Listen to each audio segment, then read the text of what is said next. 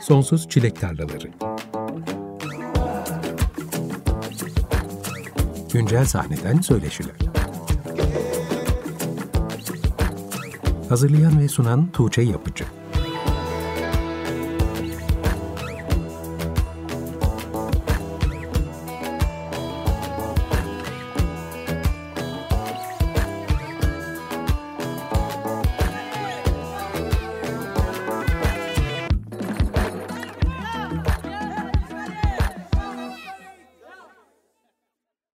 95.0 Açık Radyo'da Sonsuz Çilek Tarlaları programından herkese merhaba. Ben Tuğçe Yapıcı. Bugün itibariyle Açık Radyo'da 57. yayın dönemi başlamış bulunuyor. Biz de bu yayın döneminin ilk Sonsuz Çilek Tarlaları programı için bu akşam sevgili konuğumla birlikte mikrofon başındayız. Ayrıca bugün 1 Mayıs olduğu için tüm emekçilerin de bayramını kutluyorum. Programın odak noktası olduğu için çoğunlukla zor şartlarda çalışan ve hayatlarını idame ettirmek için insanüstü çaba sarf etmek zorunda kalan müzik emekçilerinin de bayramını özellikle kutlamak istiyorum tüm emekçilerin emeklerinin karşılığını alabildiği bir gelecek dileyerek başlayalım programa. Bu akşam davulcu ve perküsyonist Nihal Saruhanlı ile beraberiz. Kendisinin dahil olduğu projelerden birinden bir kayıtla başladık. Mert Pekdürener'in geçen yıl yayınlanan Dialogues in the Dark albümünden Where Are You adlı parçayı dinledik. Bu parçada Mert Pekdürener'e Nihal Saruhanlı ve Apostolos Sideris eşlik ediyordu.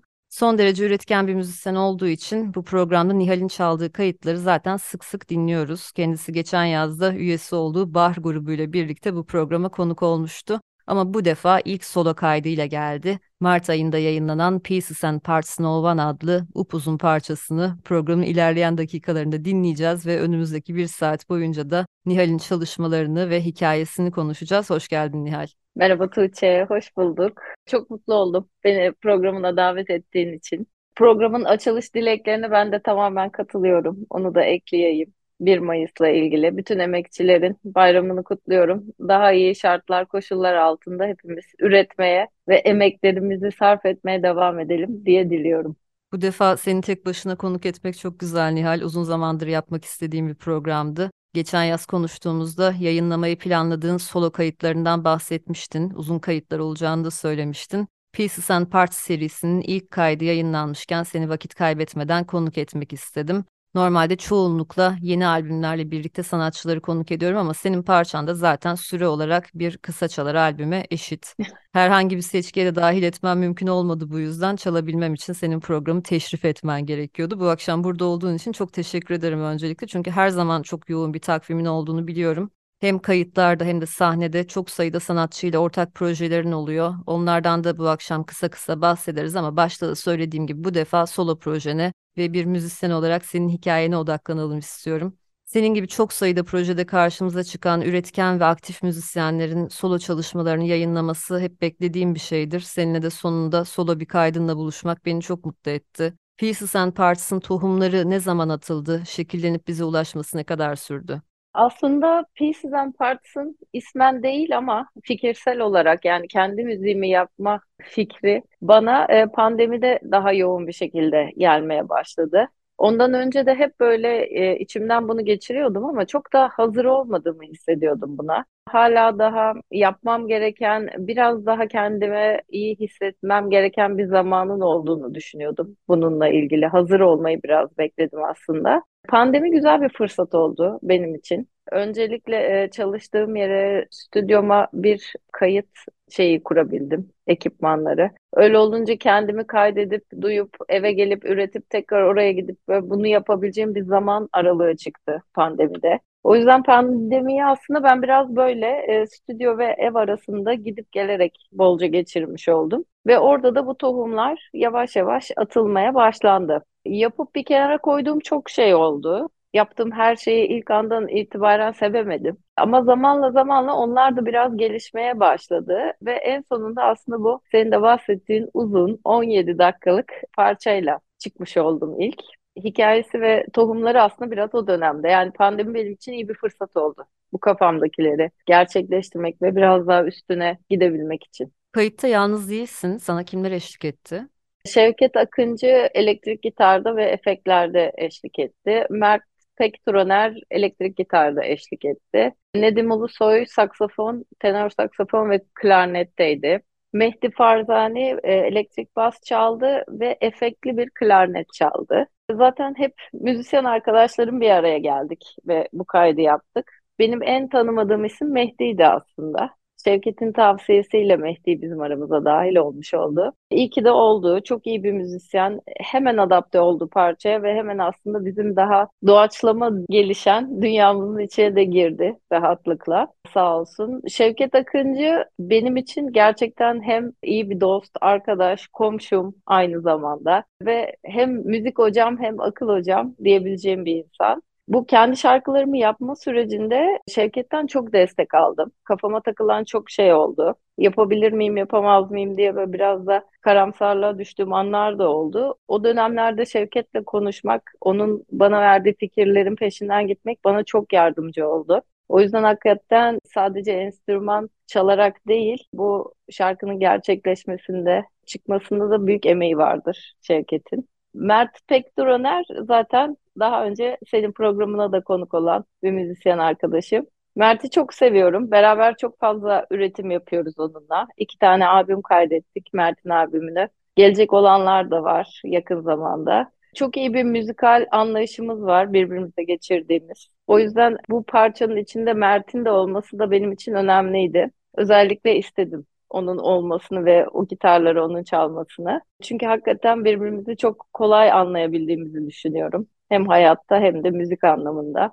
Nedim Ulusoy, saksafondaki üflemelilerdeki arkadaşım. O da eski arkadaşım aslında Nedim. Bahçeşehir Caz Sertifika Programı'ndan gelen bir arkadaşlığımız var. O dönemden beri de hep iletişimimiz oldu Nedim'le. Hep işte ara sıra konserler verdik. Benim için onun olması da çok önemliydi. Çünkü aslında bir kırılma noktası olan bir dönemde tanıştığım bir insan Nedim. Ve müzikal olarak da bu parçanın başlangıcında yani bu yolculuğun başlangıcında olması gerçekten beni iyi hissettiren bir şey oldu. Bu tür işlerde hep şunu merak ediyorum. Acaba bu bestenin ne kadarı önceden tamamlanmıştı, ne kadarı stüdyoda doğaçlamalar sonucunda oluştu diye merak ediyorum ama doğaçlamalar ağırlıkta galiba. Evet, kesinlikle öyle. Şöyle bir üretim süreci oldu aslında. Ben bir melodi oluşturdum. Ve bu melodi etrafında da kendimce evde yaptığım bir trafikle aslında şarkıyı oluşturmuş oldum bu parçayı.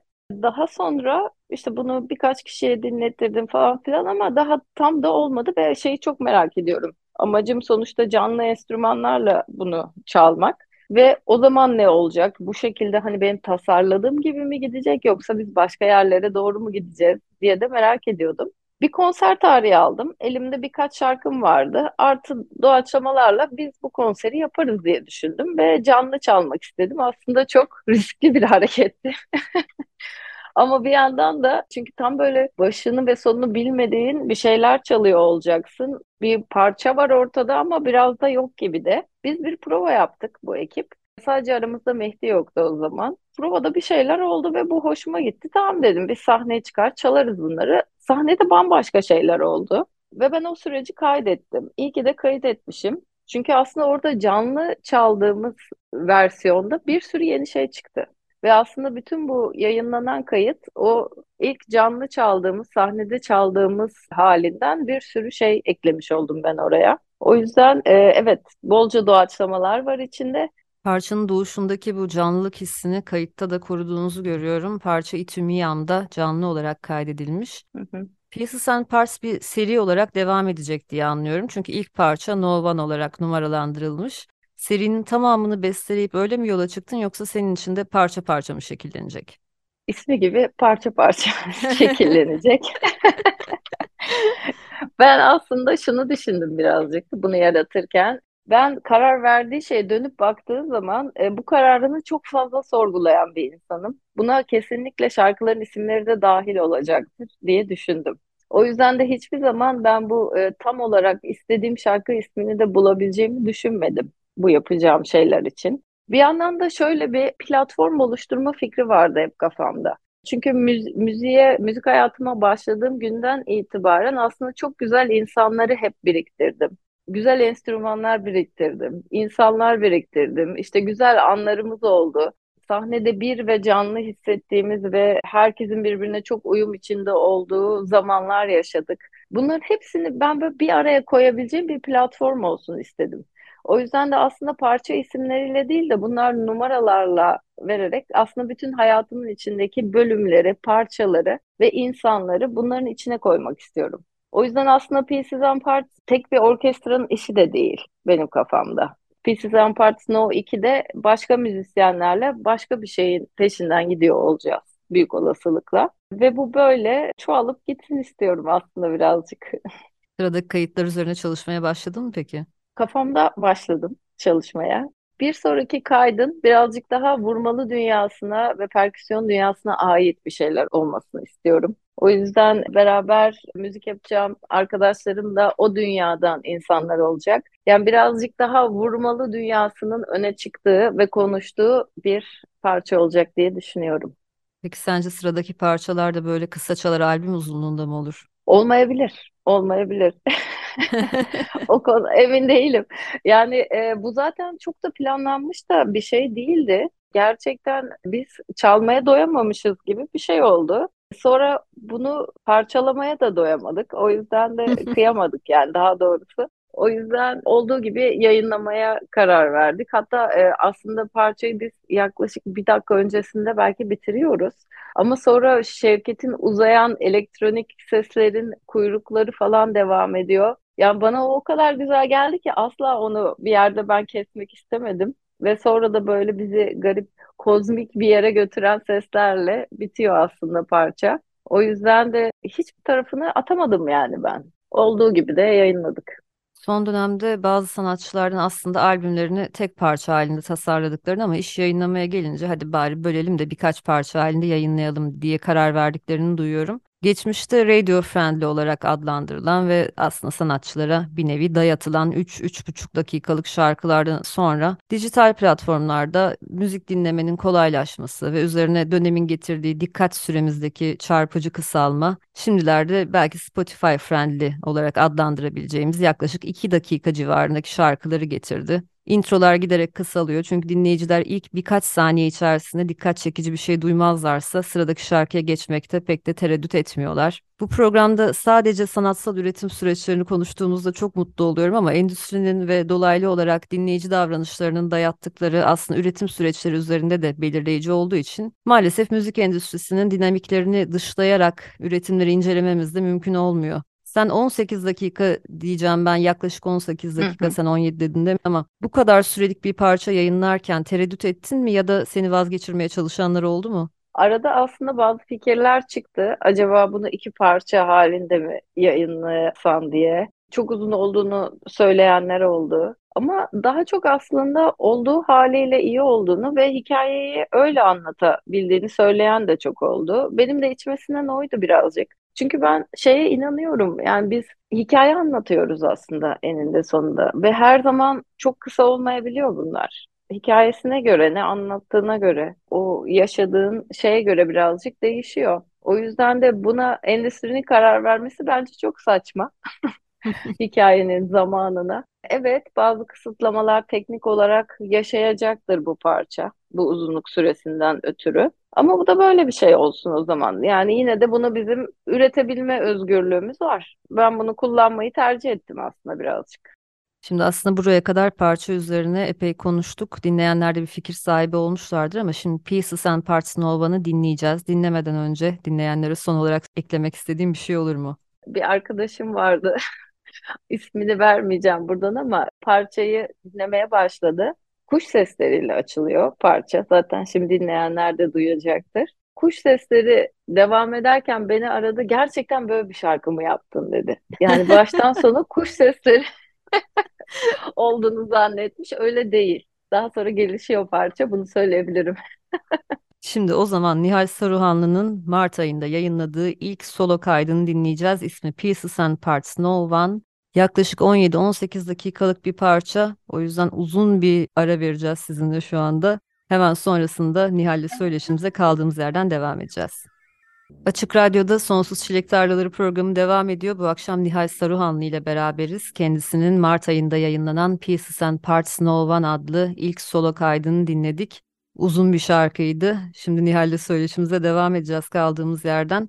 Programın ilk bölümünde daha çok bu parçadan konuştuk. Bu bölümde de biraz Nihal'in hikayesine odaklanalım istiyorum. Öncelikle basın bülteninde son derece kapsamlı bir biyografi yazdığın için özellikle tebrik etmek istiyorum. Çünkü seni kaç senedir tanıyorum, işlerini takip ediyorum ama senin hikayene dair neredeyse hiçbir şey bilmiyormuşum Nihal. Okuyunca da çok heyecanlandım çünkü müzisyenliğinin dışında hikayen de son derece ilham verebilecek öğelerle dolu. Mesela ben senin davul çalmaya nispeten geç başladığını bilmiyordum. Dünyada müzik eğitimiyle ya da müzisyen olmakla ilgili çok küçük yaşlarda başlamak gerektiğine dair yaygın bir inanış var. Çoğu insandan ben gitar çalmak istiyorum, keman çalmak istiyorum ama 20 yaşındayım, 25 yaşındayım, 30, 40 ya da 50 yaşındayım. Bu yaştan sonra olmaz lafını sayısız defa duymuşumdur. Bu çocuklukta başlanması gerektiğine dair inanış o kadar yaygın ki resmen aşılamaz bir duvar haline geliyor çoğu insan için ve büyük ihtimalle başlamaktan da alıkoyuyor çoğunu. Senin perküsyon çalmaya başlaman yaklaşık 30 yaşına doğru gerçekleşmiş galiba ama öncesinde küçüklükten de bir piyano eğitimin varmış sanırım. Doğru. Küçükken e, yaklaşık 3-4 sene piyano dersleri aldım. Çok da severek aslında devam ettim derslere. Bana hakikaten çok şey kattı o dersler. Ama bir yerden sonra da e, yavaş yavaş çünkü biz o, o dönem sürekli klasik eserler öğretiyordu bana hocam. Yavaş yavaş bir popüler kültürün farkına varmaya başladığımda aslında ben o bağlantıyı kaybettim o tarafla. Ve popüler tarafla piyanonun arasındaki bağı da kuramadım. Öyle olunca tamamen bırakıp kendimi popüler kültürün içine attım diyebilirim. Bu pişmanlık duyduğum bir şey oldu daha sonraki senelerde. Sonradan tekrar dönüp işte notalarıma bakıp 5-6 sene sonra nasıl yapıyordum ben bunu tekrar başlasam falan dediğim oldu aslında. Ama hayat ilerledi. Ama hep böyle müzik de içimde bir yerde kaldı. O yüzden de hep iyi bir dinleyici oldum. Hep müziğin peşinden koştum. O dönemler bir de her şeyi çok rahat bulamayacağım dönemlerde. O yüzden ben sürekli böyle bir şeylerin adını bulmaya çalışıp o adını bulduğum şeyleri yurt dışından buldurmaya çalışarak geçti diyebilirim hayatım. Kayıt yapmaya çok meraklıydım her zaman. İlk kaydımı galiba televizyondan teybe yaptım. Aynen o zaman bir numara diye bir müzik programı vardı. Ömer Karacan sunuyordu. Oraya teybi dayayıp istediğim şarkı çıktığında bekleye bekleye sonra serviste onu dinletmeye çalışıyordum herkese falan. Ya benim için hep çok heyecan verici bir şey oldu aslında müzik dinlemek, müziğin peşinden koşmak. Ama dediğin gibi müzisyen olarak dahil olmak işin içine aslında 30'lu yaşları buldu. Peki sence temel bir müzik eğitimin olması sonrasında perküsyona, davula başlayınca işini ne kadar kolaylaştırdı? Yani bir altyapın olmasaydı da mümkün olur muydu o yaşta başlamak? Bence mümkün olurdu yine de. Hiç planladığım bir şey değildi aslında bu benim. Yani ben bir gün zaten müzisyen olacağım ve bir enstrüman çalacağım, davul çalacağım. Hani bu benim ne bileyim üniversite senelerimde de oturup planladığım bir şey değildi aslında. Üniversite senelerim zaten hani bayağı kendimi arayarak geçti diyebilirim. Yine hep müziğin peşindeydim. DJ olacağım zannediyordum ben o zaman. O yüzden daha çok arşiv yapmak üstüneydi aslında bütün uğraşım. Ama aslında dediğim gibi planladığım bir şey değildi bu. Bu bir çağrı gibi oldu biraz Tuğçe. Yani artık 20'li yaşların sonunda bir şey geldi yani bana. Vurmalı çalgılarla ilgili bir dürtü geldi. Nasıl geldi bilmiyorum. Hep sanatçı olmak istemiştim hayatta ama ben daha görsel sanatçı olacağımı zannediyordum. Görsel dünyaya ait bir şeyler yapacağımı zannediyordum. Ki o alanda da eğitim aldın zaten. Evet, o alanda da eğitim aldım. Yüksek lisansımı işte Bilgi Üniversitesi'nde görsel iletişim tasarımında yapmaya başladım. Sertifika programına gittim, tasarım kültürü yönetimi falan. Yani hep böyle görsel şeylerin içinde olmaya çalıştım. Bana onlar da çok şey kattı. Çünkü birazcık daha aslında alanların birbiriyle çalışabileceğini gösteren şeyler oldu bana biraz bunlar. Yani müzik, görsellik, fotoğraf bunların hepsi birbirinden beslenerek aslında üretimler yapılabilir fikri çok hoşuma gidiyordu benim. Ama dediğim gibi davullarla ilgili ve hani aslında bir şeye vurarak ses çıkartmakla ilgili de bir şey gelişti benim içimde. Nasıl oldu bilmiyorum ama bana kendimi çok iyi hissettirdi. Kesinlikle burada biraz ilkel bir dürtü var diyebilirim. Peki bu dürtünün kaynağını tespit edebildin mi sonradan? Ee, edemedim ama benim ruhuma çok iyi geldi bu. Orada bir bağ oluştu aslında. O yüzden de hiçbir şeyin çok da önemi olmadı. Yani geç başlıyor olmanın, aslında arkada bir müzik eğitimi olmamasının bir önemi olmadı. Çünkü o kadar kuvvetli bir dürtü geldi ki benim buna kendim için devam etmem gerektiğiyle ilgili. O yüzden de artık bundan sonraki arayışlarımda hep müzikle ilgili, kendime katmak istediğim şeyler hep müzikle ilgili, müzik bilgisiyle ilgili olmaya başladı. Peki herhangi bir enstrüman çalmayı isteyen ama başlamak için yaşının geç olduğunu düşünen dinleyicilerimize söylemek istediğim bir şey olur mu? Kesinlikle başlamalılar. Bunu söylerim. Çünkü istiyorlarsa herhalde kendilerini dinledikleri için böyle bir şey hissetmişlerdir diye düşünüyorum. O zaman da mutlaka başlamaları gerekiyor. Çünkü önemli olan aslında sana ne iyi geldiği. Zaten sana iyi geliyorsa bir şey ve sen onu yapmaya devam ediyorsan ister istemez ilerliyorsun. Bir mesafe kat ediyorsun. Yapmaktan hoşlandığın için zaten vakit ayırmakla ilgili bir sorunun olmamaya başlıyor eğer vaktin varsa. Ve yaptıkça da gelişiyorsun ve herkesin kendi zamanı olduğuna inanıyorum ben birazcık. Yani tabii ki bazı şeyler var işte şu kadar saat bir şeyi pratik edersen şu kadar da ilerlersin. Bu çok zaten rasyonel bir şekilde akıyor. Ama bunları sadece o zamanları doldurmak için değil de biraz ruhunu doldurmak için yapmaya başladığında olay başka bir hal alıyor bence.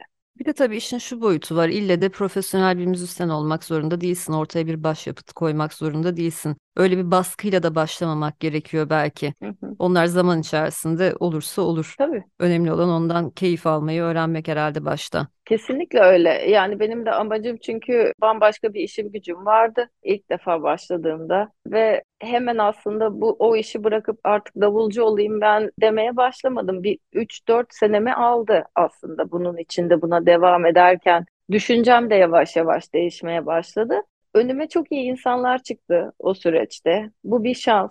Çünkü aslında e, görsel sanatlarda ilerleyememenin nedenlerinden biri de birazcık önüme o kadar da bana destek olacak insanların çıkmamış olmasıydı diye düşündüm daha sonradan. Müzikte o konuda şanslı olduğumu düşünüyorum. O yüzden o insanlardan da bahsetmek isterim. Öncelikle Okay Temiz çok önemli bir insan benim için. Hakikaten daha ben ilk vurmalı çalgılara ilgi duyduğumda onun atölyesine gittim ve iki sene geçirdim orada. O iki sene bana çok fazla şey kattı. Aslında ben bunu bir iş olarak yapmak isterimi de biraz orada oluşturmuş oldum. Hem Okay Temiz'i gördüm, hem oradaki insanları gördüm. İyice e, benim için büyüsü arttı aslında durumun. Amy Salzgiver benim için diğer çok önemli bir insan. Çok iyi de bir arkadaşım. Amy Miam'da şu anda bir hoca perküsyon bölümünde ve çok iyi bir perküsyonist, vurmalı çalgılar, müzisyeni.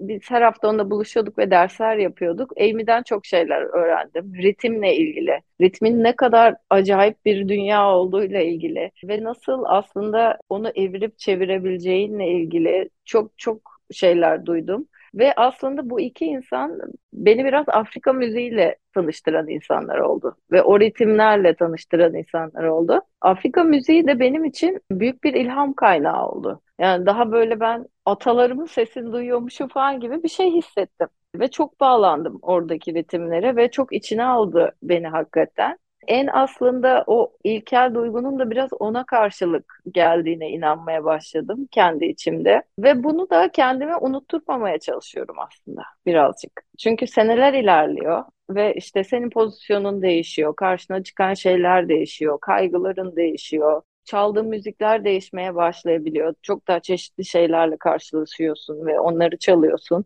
Zamanlar değişiyor birazcık ama aslında oradaki bütün bu işe daha hiçbir şey bilmiyorken başladığın ve hissettiğin şeyin çok kıymetli olduğunu düşünüyorum. O yüzden de arada onunla tekrar bağlantı kurmaya çalışıyorum aslında. Yani daha sonrasında da bu ritim dünyasının zenginliği beni büyüledi hakikaten. İstanbul'da çok şanslıydım ki bir samba grubu vardı. Ben hala daha o zamanlar profesyonel bir müzisyen değildim. Başka bir işim gücüm vardı. İşte şu andaki isimleri İstanbul School of Samba. Haftada 2-3 tamamen gönüllülükle aslında bir araya gelip insanlara Brezilya enstrümanlarını tanıtıp sokak karnaval sambası, e, Batucada deniyor o gruplara. Batucada grubu oluşturup işte 20 kişi, 30 kişi bir odaya doluşup o müziği yapmaya çalıştığımız bir dönemler var. O insanlara çok minnettarım aslında. Çünkü beni bir şekilde onlar hani aralarında profesyonel müzisyenler vardı ve onların hayatını görme fırsatım oluyordu aslında. Ne yapıyorlar, ne ediyorlar, nasıl yaklaşıyorlar müziğe.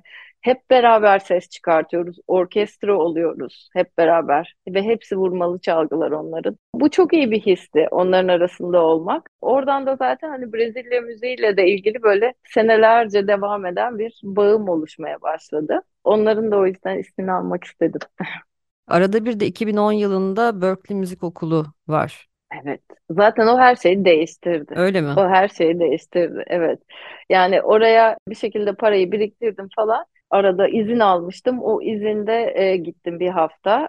Bir perküsyon festivali haftasıydı o. Gündüzleri dersler alıyorsun Berklee'nin hocalarından vurmalı çalgılarla ilgili. Ben o zaman e, kongayı ana enstrümanım olarak bellemiştim ve onun tekniğini çalışıyordum özellikle. Ve işte akşamları da e, Berkeley'nin konser salonlarında acayip konserler oluyor.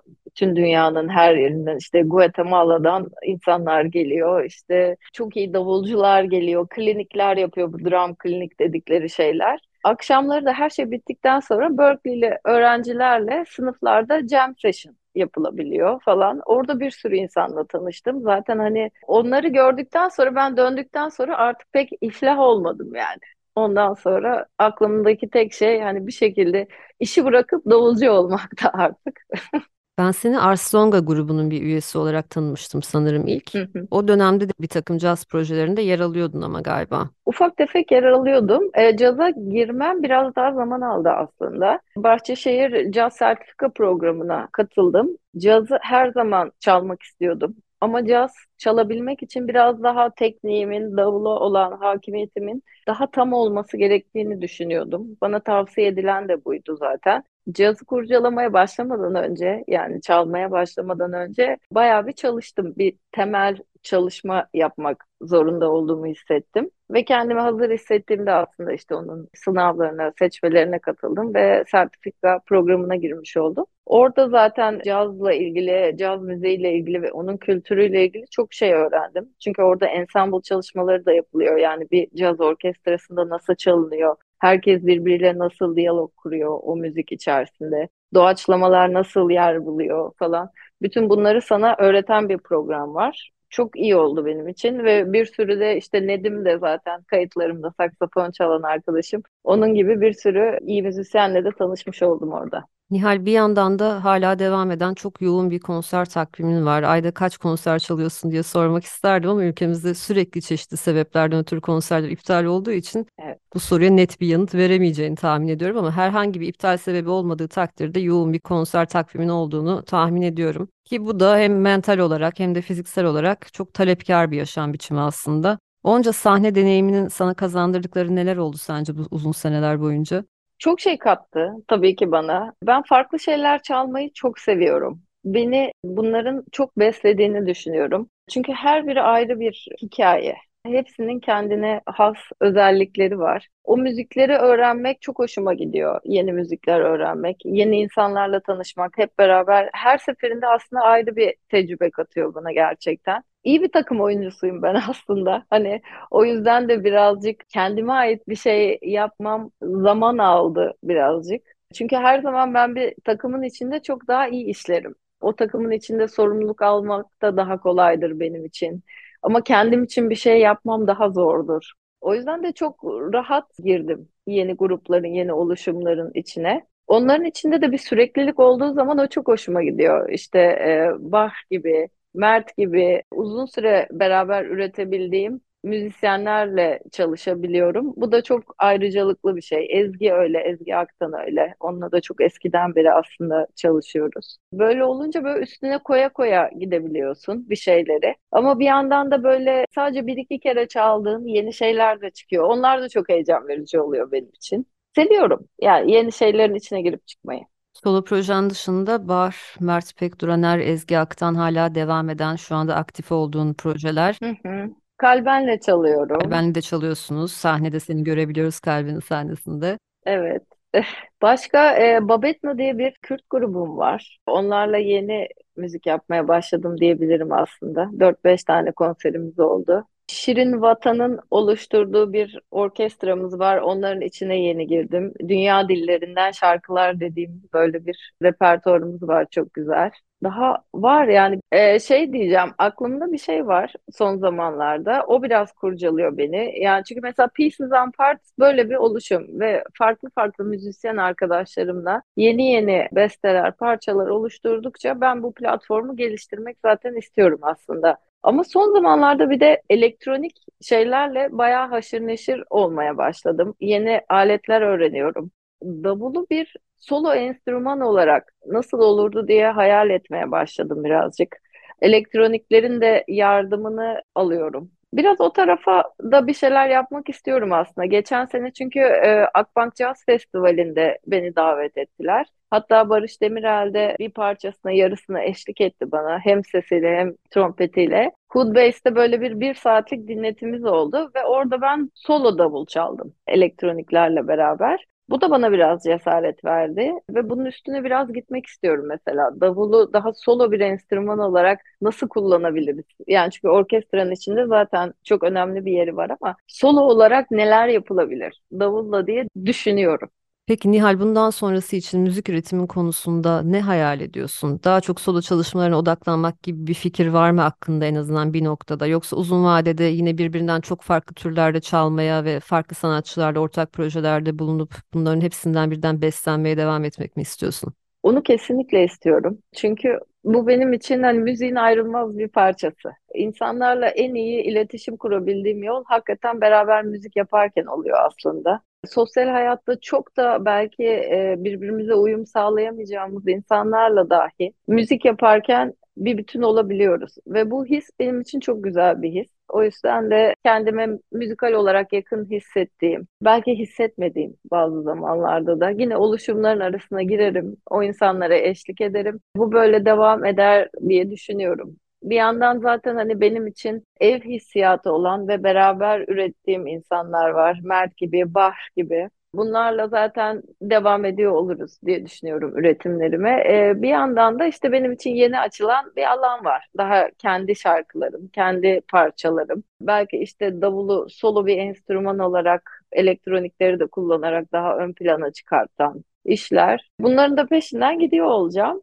Daha fazla konser olması benim için her zaman iyi bir şey. Çünkü e, konserler insanı motive ediyor en azından bir tarihiniz oluyor önünüzde ve şunu çalışacağım, bunu yapacağım falan diye kendinizi daha iyi, iyi hissetmeye başlıyorsunuz. Türkiye sınırları dışına çıkmayı çok istiyorum. Biraz daha başka yerlerde, başka ülkelerde, başka coğrafyalarda çalabilmek istiyorum. Bunların yolunu arıyor olacağım herhalde önümüzdeki dönemde. Umarım önümüzdeki yıllarda sadece Türkiye'de değil, dünyanın başka yerlerinde de hatta dünyanın her yerinde müziğin dilinde müzisyenlerle ve dinleyicilerle buluşmaya devam edersin. Senin kadar üretken, özgün bir müzisyeni ağırlamak benim için çok büyük onur. Çok teşekkür ederim. Son olarak eklemek istediğim bir şey olur mu? Çok teşekkür ederim böyle bir fırsat yarattığın için. 17-18 dakikalık yayınlaması zor bir parçayı yayınladığın için de çok teşekkür ederim. Bir şekilde programın formatına uydurduk bunu. Sen de iyi ki varsın Tuğçe. Yani senin sayende gerçekten insanlara ulaşabiliyoruz biz de. Güzel insanlar güzel işler yapmaya devam etsin istiyorum aslında.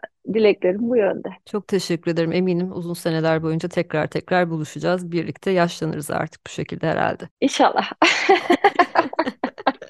Bu haftalıkta Sonsuz Çilek Tarlalarının sonuna geldik. Açık Radyo'nun bugün başlayan 57. yayın döneminde ilk konuğum davulcu ve perküsyonist Nihal Saruhanlı'ydı. Benim için yeni yayın dönemine şahane bir başlangıç oldu. Nihal'in Mart ayında yayınlanan Pieces and Parts No One adlı ilk solo kaydı vesilesiyle bu akşam bir araya geldik ve kendisini daha yakından tanıma şansı bulduk. Nihal bundan sonra da çeşitli kayıtlarda ve sahnelerde karşımıza çıkmaya devam edecektir. Üretkenliğinin daha uzun yıllar sürmesini diliyorum. Programın kapanışında yine Nihal'in üyesi olduğu Bah grubunun geçen yıl yayınlanan Kirstone Part 1 albümünden Outside adlı parçayla sizlere veda edeceğiz. Bu parçada Bahra, Asena Akan ve Şevket Akıncı eşlik ediyor. Gelecek hafta yine pazartesi akşamı saat 20'de Açık Radyo'da görüşünceye kadar hoşçakalın.